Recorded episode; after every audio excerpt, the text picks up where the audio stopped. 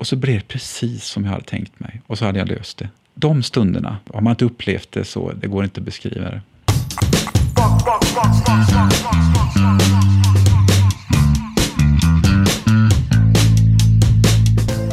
Hej och välkomna! Ni lyssnar till Sahlgrenska Akademins podd Akademiliv.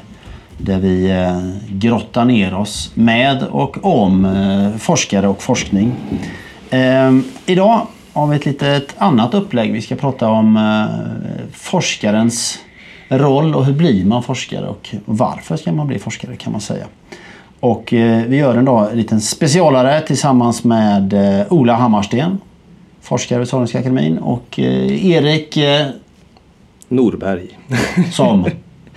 Eh, som representant från Sahlgrenska podcast. Eh, vi som är studentpoddar. Just det. Och du är student själv i läkarprogrammet? Läkarprogrammet termin 8. Gött. Mm. Right. Jag tänkte så här nämligen att eh, det finns ju fortfarande en sorts mytbild om forskaren. Jag vet, även jag själv hade den när jag började här. Liksom, om den här enstöriga gubben ofta med en galen frisyr på ända liksom. Så jobbar man några år så inser man att eh, ni kan ha vilken frisyr som helst. Ja, du har ju kortklippt, enkel frissa idag, ja. Ola till exempel. Jag gillar upplägget och ta fram lite fördomar och så. Ja, lägga dem på bordet och liksom se. Och, ja. Men jag, jag tänkte också på dig Erik, du kommer från en annan eh, vinkel liksom, är student och upp, uppmuntras och möter forskare och uppmuntras att börja forska. Vad, vad är din bild av forskaren? Liksom? Ja, den är, den är spridd och blandad. Väldigt så. Innan, eh, innan man kommer hit så har man ju en bild av att forskare är någon som står med en vit rock och i ett labb hela tiden. Och, eh, sen kanske James Bond kommer in och så sprängs det en del saker. det, det är ju jätteblandat. Sen, ja. men, eh, men sen när man kommer hit då är det ju många föreläsare som står här och som faktiskt forskare som uppmanar oss att komma och forska också. Och eh, det verkar ju som att ni gör väldigt mycket annat än att. Bara stå i vita rockar i labb. Right. I alla fall. Um, vita rockar i labb, galningar med håret på ända. Ola, vad är din bild av vad är en forskare? Hur är de? Ja, det är klart att de finns ju också förstås. Eh, men eh, om man om man tittar på vad som... Eh, det finns faktiskt en undersökning som är gjord delvis av Chalmers för ett antal år sedan där man tittade på de personlighetstyper som finns bland forskare som har en hög impact av sin forskning internationellt. Mm. Framgångsrika helt enkelt? Ja, som helt enkelt är framgångsrika. Mm. Och eh, det var psykologiska institutionen här om jag minns rätt som gjorde den undersökningen och eh, den eh, personlighetstyp som framkristalliserades där var ju inte alls den här Einstein med håret på ända som ingen kan prata med utan det var ju en mogen person som, ja, tänk en företagsledare. Right. Och man kan nog säga att om man, om man nu Alltså, vad menar man med forskare? Eh, och om man då tänker sig att en forskare är den personen som driver en forskningsgrupp och under många år har en forskningslinje och försöker lösa en fråga. Så är det en person som eh, är en företagsledare till stora delar. Man söker medel och man måste finansiera den här forskningen på något sätt. Och man måste entusiasmera sin omgivning och, och vara en karismatisk person. Man måste, måste, ju kunna sitt ämne förstås och, och, ha en eh, brinnande energi. Men den organisatoriska biten i att vara forskare den är många, nog många som underskattar ja. tror jag. Känner du igen dig själv i den här bilden? Liksom företagsledaren och Ja, alltså alla forskare som jag känner har, en, har den biten i sig. Mm. Eh, alltså att man, eh, man ser till att, eh, man profilerar sin forskning så att den passar in för de fonder som man söker och, och så vidare. Mm. Så att det är väldigt likt att vara kanske frilansjournalist eller att vara musiker eller mm. ja, ha ett stort företag. Mer lite mer strategiskt än att vara ja. den här som kan följa sina impulser och utforska och så. Det är inte riktigt så man bygger Nej, en forskarkarriär. Jag måste nog säga att alltså, det, finns ju två typer av forskare om man nu ska hårdra det lite grann. Och den ena är ju den här personen vi pratat om precis nu som, som lägger hela sitt liv på detta och, och gör detta som sin profession. Och då krävs det väldigt många egenskaper samtidigt för att man ska kunna stå sig i den här världen under lång tid. För att det är en, en situation där jag brukar säga till studenter och så att det är ett litet Robinson-spel att vara i forskning. Alltså att det, man slåss ju om begränsade medel och eh, går det bra för någon annan så så går det ju faktiskt lite sämre för en själv. Ja. Givet allt annat samma. Va? Så att det, är, det blir ju en lite speciell situation på det sättet. Men sen om man skulle vilja prova på forskning, alltså som en del i sin läkarutbildning för att förstå var originaldata kommer ifrån. Så innebär det ju inte till exempel att man doktorerar att man därigenom måste ha syssla resten av sitt liv med forskning. Och det är ju den allra största andelen av de som påbörjar en forskarutbildning. De blir ju inte självständiga forskare. Mm. Utan de gör detta under en period. Eh, de antingen går till någonting annat, framförallt om man är läkare, eller så eh, gör man så att man införlivar sig i någon större gruppering mm. och, och, jobbar alltså på, som andreman eller liknande. Erik, du är på åttonde terminen nu, mm. läkarprogrammet. Jajamensan. Vad har du fått för inblick i eh, liksom, forskning och forskartillvaron så här långt? Ja, det är väl som jag sa innan, det är lite blandat sådär. Det beror ju på om det är kliniskt eller prekliniskt, känns det som. Uh, och det, jag får bilden av att det kan innebära väldigt mycket olika saker. Men just det här entreprenörskapet, det, det känner jag väl igen att det, det behövs nog. Mm. Och sen så får man ju lite alla möjliga bilder beroende på vilken föreläsare slash forskare man pratar med. Vissa verkar nästan lite anarkistiska av sig och vissa verkar väldigt uppstyrda. Och, ja, um, det är fortfarande en väldigt blandad bild. Vilken tilltalar dig mest av de två? Möter de två då? Den här? jag är mycket för anarkism. Ja, right. men, eh, men, en kontrollerad sådan kanske. Men jag, jag, tänker att eh, forskning kräver väl ändå kreativitet på något sätt. Att man eh, hittar nya vägar och tänker lite utanför boxen någonstans. Och då är väl den personlighetstypen en, eh, kan väl vara en tillgång. Även fast det säkert på många sätt kan vara eh, oerhört frustrerande och jobbigt att jobba med. Kan jag mm. tänka mig. Men, ja. ja. Ja, alltså, problemet är oftast när man ska beskriva eh, alltså, termen forskare. Det blir ju förstås väldigt brett Va? Ja, är det ens en titel? Kan, kan man, alltså är det en akademisk titel att kalla sig forskare? Eller är man alltid liksom docent eller något annat? Eller? Ja, det sätter mig på pottkanten. Det vet jag inte riktigt. Men alltså, eh, forskare innebär att man eh, har det som sin profession, att man forskar. Eh, men som du säger så är det ju, det är ju väldigt många här på universitetssjukhuset som eh, både är läkare och forskar väldigt mycket. Mm. Och eh, jag vet inte vad man kallar sig mest. Jag är ju själv överläkare och professor på klinisk kemi. Och jag kallar mig nog egentligen för överläkare och professor. Mm. Eh, och forskning det är någonting jag gör eh, ändå så att säga. Right. Ja. Men jag tror att det här är ganska symboliskt för hur eh, luddig bilden kan vara av vad en forskare är. Och jag har varit intresserad väldigt länge av att göra någonting och förstå helheten och eh, lik förbannat kan jag inte komma på ett bättre sätt att uttrycka mig när jag sitter här idag och försöker svara på vad mm. min bild av en forskare är. Jag tycker att det är, det är svårgreppat och jag mm. tror att det är bra att man, man sitter ner så här då och men det blir också, det är, vi, eh, jag skriver mycket press och vi presenterar ju våra forskare väldigt mycket och använder ofta den termen då.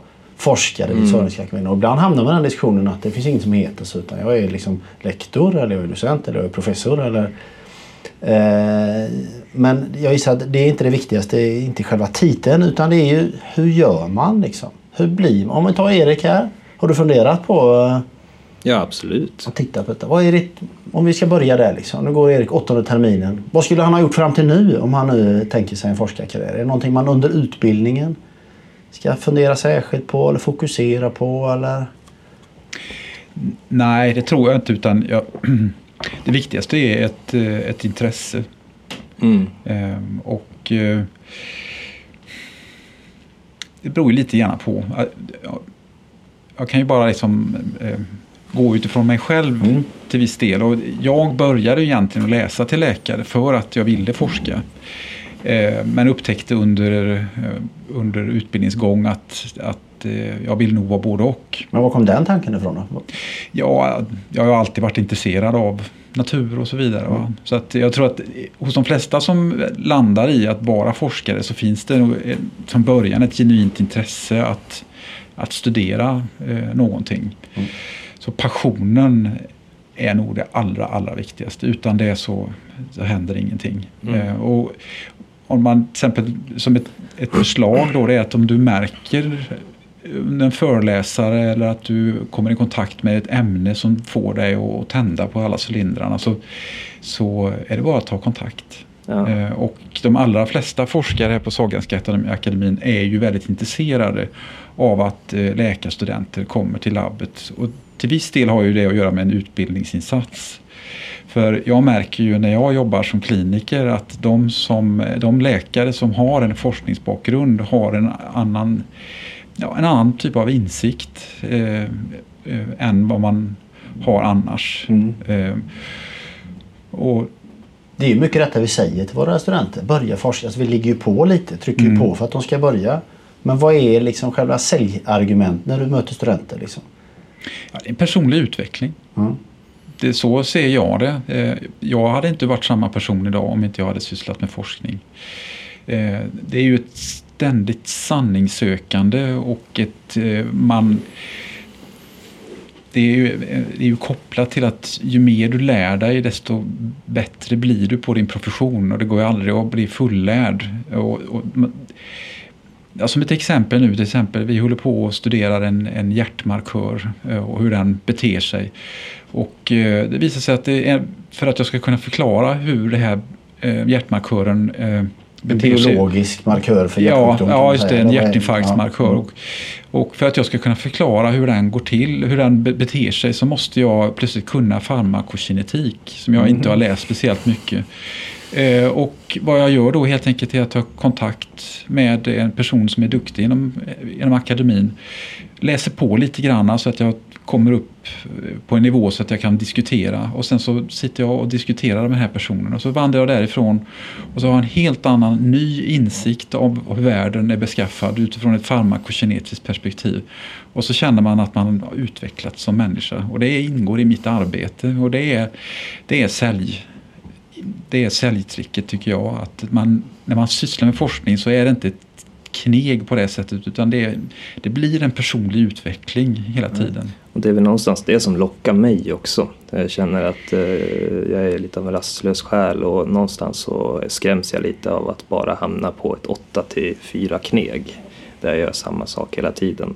Nu så är mitt framtida yrke läkare så jag kommer förmodligen ha mycket utveckling där ändå men eh, men just det här att man fortsätter lära sig. Jag, menar, jag, jag, älskar att studera och det känns lite som en fortsättning och en fördjupning åt det hållet som du beskriver att man måste återuppta farmakokinetiken och man måste, man måste gå tillbaka och fördjupa sig mer. Mm. Um, jag tänkte på det här om man går till min position nu, när man ska börja. Jag har ju frågat mycket kompisar och folk vad man ska tänka på. Man får höra lite olika saker. Eh, jag tänkte höra vad du tyckte om dem. Eh, vissa säger att man ska ta, hitta en handledare, en forskare som, eh, som man trivs bra med, som man känner att det, det funkar bra med. Liksom. Och vissa säger att man kan välja ämne mer. Vad, vad tänker du? Jag måste nog säga att det första du säger, en, om, båda är viktiga. Ja. Men om man ska värdera de två sakerna mot varandra så är nog det första viktigare. Ja. Alltså att i princip så är det så här att har man de, blir du insatt i nästan vilket ämne som helst till rätt nivå så blir du intresserad. Mm. Det är nästan alltid så. Ja. Eh, så att din förmåga att avgöra vad som kommer bli din person ja. utan att ha förkunskaper tillräckligt är svårt. Ja. Till exempel så är det så här att om, om, man, om man frågar mig så här. Eh, är jag intresserad av epidemiologi? Ja, sådär. Eh, jag, jag, behöver det som verktyg men ja. det är inte min passion. Är du intresserad av fysiologi, alltså hur blodet flyter och hormonerna inverkar på varandra? Ja, svårstuderat och ja, det är inte riktigt. Är du intresserad av cellbiologi? Ja, det är jag. Ja. Och då när jag ser på celler och gör försök då, då, då tänder passionen. Mm. Är du intresserad av biokemi? Och hur molekylerna binder till varandra och hur man får de här olika fosforyleringarna, hur det påverkar. Ja, jag är fortfarande helt tänd. Är du intresserad på vilken aminosyra som är inblandad i den här fosforyleringen och den, den uh, uh, tredimensionella strukturen av proteinerna, nah, då sjunker plötsligt intresset och så, och så vidare. Ja. Och, och, det innebär då att när jag tänker igenom den här skalan då från det stora till det lilla så bör jag nog kanske försöka hitta ett ämne som har att göra med cellbiologi eller kanske biokemi där jag Ja. kan tända på cylindrarna med en gång. Ja. Men sen inom de områdena, vad du kommer att välja, Ja. det är nog inte speciellt viktigt utan det är viktigare att du teamar upp med någon handledare som du tycker om. Ja. Och, och det är viktigare än vad man tror. För att om du hamnar i en situation där om du skulle vilja dok- doktorera så är min erfarenhet att det är väldigt likt en eh, barn-föräldra-relation. Ja. Hamnar man i faktiskt. Och som handledare så känner man att ens adepter är lite som ens barn och man, man försöker ju göra allt man kan för att de ska utvecklas som personer. Och så här, va? Det är ju Ja. som en, och eh, den relationen blir liksom bäst om man har en, en, en kemi mellan varandra. Ja. Kan du säga lite mer Ola kort bara om det här förhållandet handledare forskarstudent? Alltså vad är, det, vad är handledarens roll och hur funkar det? Hur ofta ses man? Och vad är... Det där är ju väldigt olika.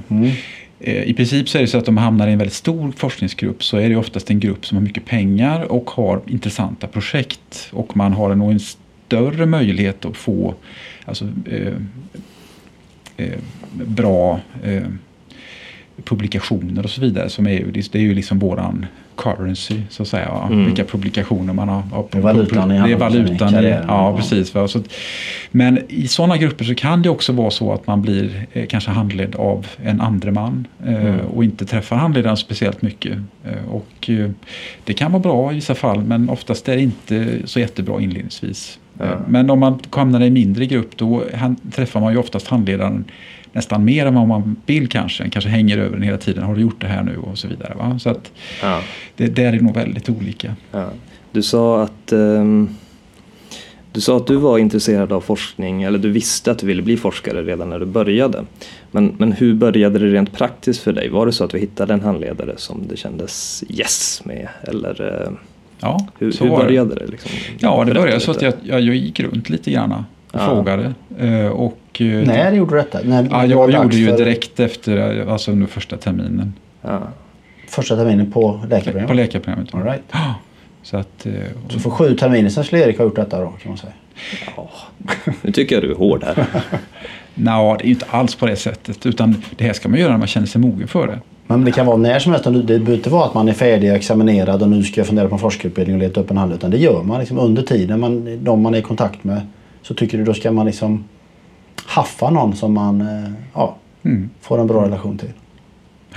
Eh, Det är ju, alltså forska är ju inte ing- inget snutet ur näsan. Så, så att det är ju ett, man ska ju fundera på det. Mm. Och dessutom kan man ju shoppa runt om man vill. Ja. Det är Men- inga konstigheter att göra en, en position eh, en sommar på ett, ett labb för att lära sig någonting och, och kanske då inser man att ja, men det är inte här jag vill syssla med utan så kommer man i kontakt med någon annan forskningsgrupp som finns i närheten. Det, är- Ja. det är ju lite så. Men om vi tar dig, liksom, du, du har ju kommit långt inom det här, du har gjort det här stort i ditt liv. Men hur började det? Eh, vad, Du menar när jag började läsa till läkare eller? nej men när, eh, termin ett då, när du Ja. hittade en, en handledare du ville forska med. Hur, hur gick du lite, lite mera... Vad gjorde du sen? Ja, Ja. vad gjorde du? Om du berättar lite, historien.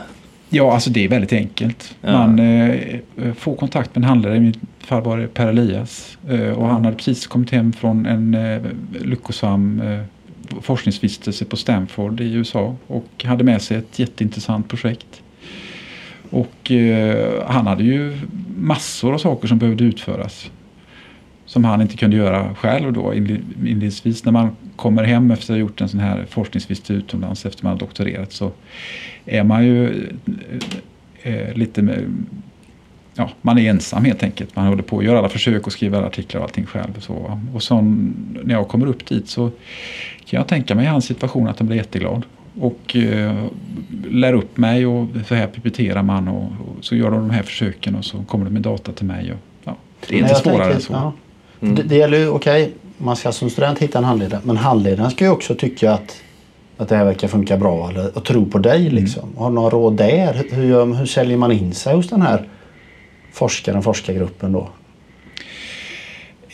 Ja, ja, du menar att man ska försöka... Jag tror att alltså, i, i, i din position så är det lite grann you have me at hello. Ja. du är läkarstudent, du har genomgått skärselden. Ja, okej. Ja, så att det ska mycket till för att man ska eh, tacka nej. Ja. Det är ju det om man, om man har...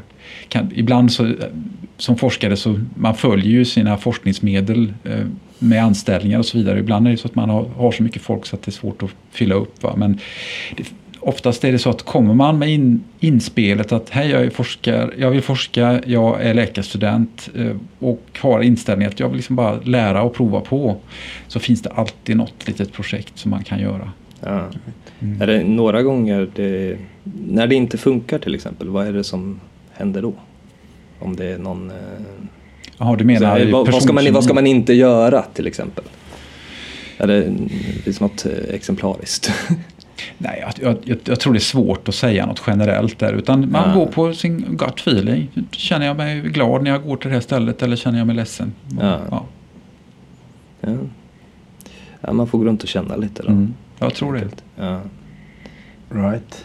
Du, du hade, hade du några mer funderingar? Du sa att du hade ett par saker som man ändå stöter på eh, Erik när du är ute i korridor- studentkorridorn som man pratar om. Okej, det ena ska man välja ut efter handledaren eller efter ämne. Mm.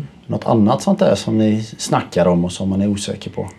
Ja, det är väl om man vill vara alltså, klinisk eller preklinisk och vad skillnaderna egentligen innebär. Det är ju någonting, ehm, Vad innebär skillnaden? ja det ska jag nog bolla över till Ola här egentligen. Ja, alltså, Vad är eh, termerna? Kan du förklara kanske för Ja, som inte alltså, det, eh, klinisk forskning innebär att man gör, ut, gör sin forskning framförallt på patienter.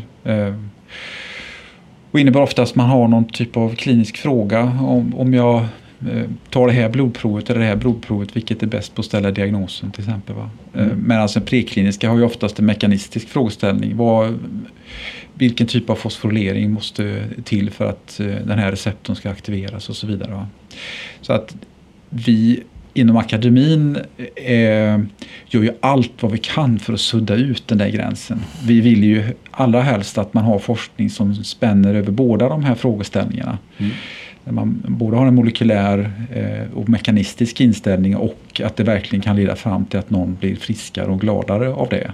Det är det som kallas för translationell. Ja, precis. Translationell forskning. Då. Forskning, Ja, och, eh, där tror jag också att det får man gå till sig själv. Eh, och jag tror att det är svårt inledningsvis i sin karriär att veta vilken klinisk forskning man vill gå in i. Eh, Visste du det? Visste du vilken typ av forskning du ville gå in i i början? nej, inte mer än nivån som jag beskrev innan. Ja. Eh, Det visste jag. Men eh, det var ju snudd på att jag ham- hamnade i ett helt annat spår. Ja. Men det var, då hade de fullt i den gruppen och så var, gick jag vidare till nästa. Så att, menar, Ja. det är liksom lite, men jag tror att jag hade nog hamnat i den forskningsområdet jag är nu. Lite oavsett vilket ingång jag hade. Därför att jag har så starkt intresse just för, för cancerfrågeställningar och, och så. Bra. Om man då hoppar bara en smula framåt här. Vi säger att man är student, man hittar sin handledare, man kommer igång på en forskarutbildning och man blir i bästa fall då väl handledd och eh, får vettiga arbetsuppgifter att jobba med och så vidare. Då. Eh, när man väl har doktorerat, eh, är man automatiskt forskare då? Eller vad är, vad är nästa steg? Liksom? Alltså, doktoreringen och själva processen och hur man eh, blir godkänd för att gå upp och eh, försvara en avhandling. Det är ju i princip att man går därifrån med en stämpel i pannan, certified scientist så att säga. Det är ett gesällbrev lite granna. Eh, Sen börjar kylan kan man ju säga då. För den som är intresserad av att syssla med detta på heltid så är det ju så att i princip så krävs det att man åker till något annat labb och etablerar en annan forskning. Ofta utomlands. Fantastiskt trevlig period men extremt stress, Ja. stressfylld. Hur kommer det, varför kan man inte bara hänga kvar där hos handledaren och få jobb där? Och, Det är ju del som gör det men Ja. då blir man ju aldrig förste man. nej. Och då blir man ju mer en, en, en, ja, någon som utför något om någon annan.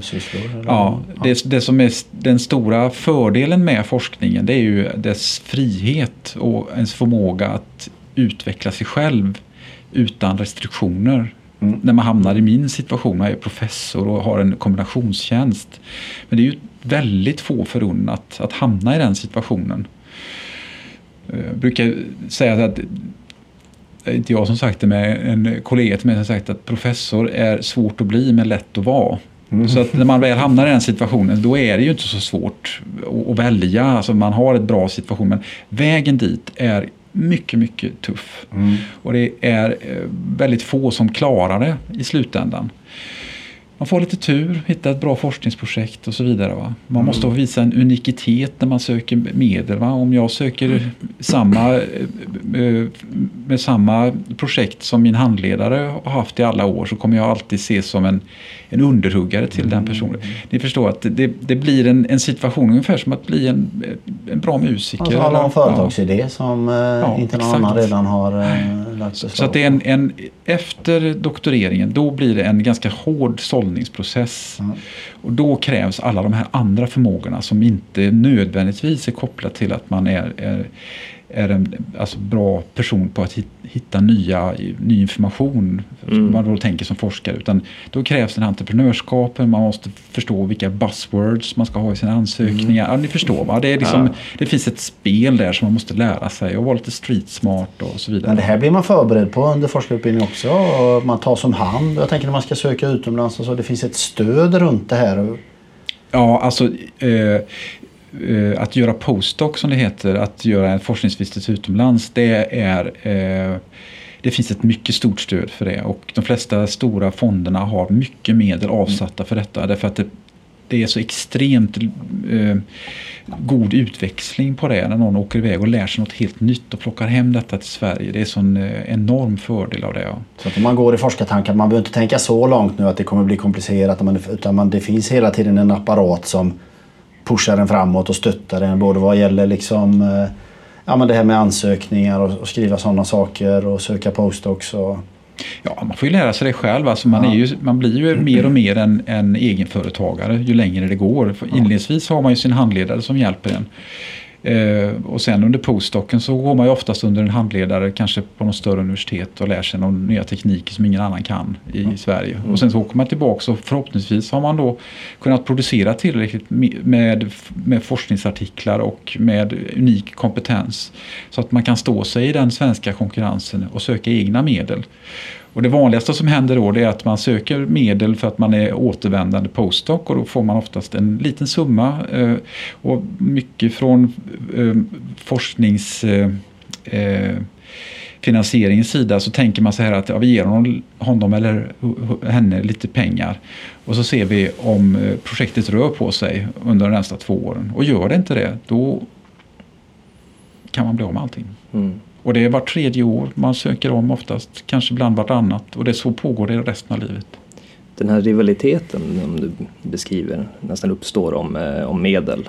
Är det något som märks av i arbetet i personkemi mellan så att säga rivaliserande forskare? Något du...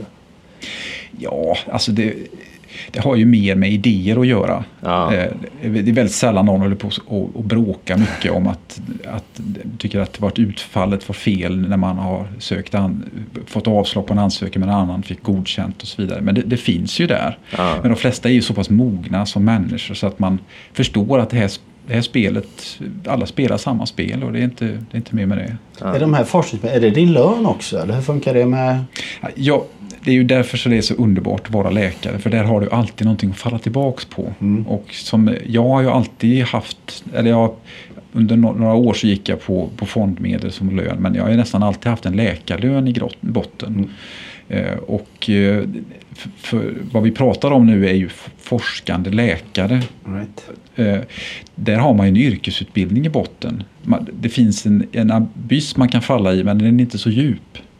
Om man skulle få, eh, inte få några forskningsmedel. Men har man inte den eh, basen att stå på då, Det är mer osäkert. Och... ja, då kan man ju, det kan bli väldigt tråkigt Ja. förstås. Men man hinner då? Hinner man vara läkare och jobba och forska? Eller då får man forska en del av sin arbetstid? Eller hur, hur funkar det upplägget? Ja, både och. Man kan säga så att är man eh, fulltidskliniker så går det inte. Eh, och jag blev faktiskt avrådd att eh, gå på en klinisk, rent klinisk tjänst när jag återkom från min postdoc.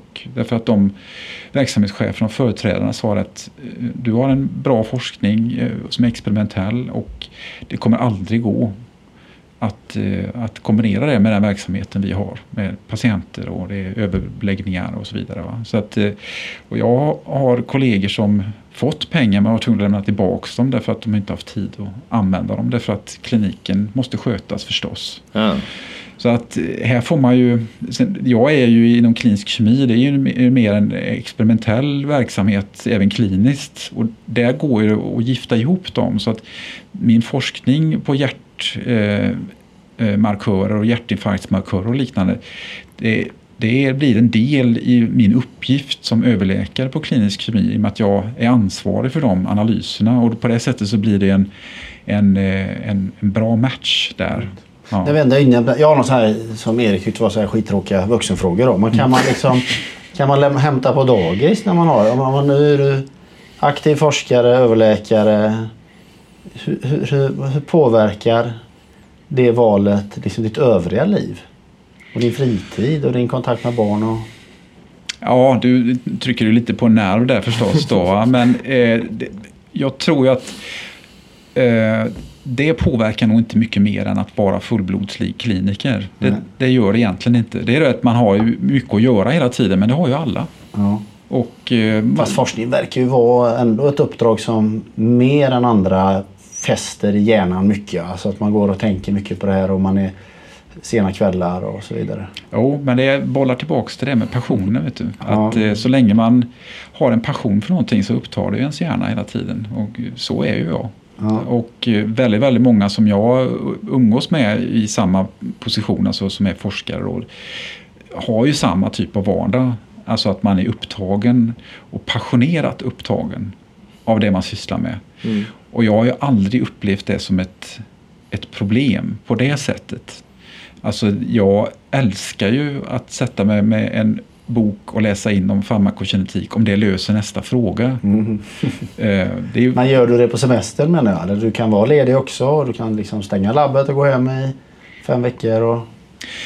Ja, det, det, det, man stänger ju nästan aldrig labbet. Men för det finns ju folk kvar som mm. jobbar kanske någon, några, några veckor under sommaren. Då. Det är ju celllinjer som måste passeras mm. och så vidare. Så det, men alltså jag tror inte att det är skilt från att till exempel vara, ha ett eget företag med golvläggning eller ja, mm. vad som helst. Alltså, mm.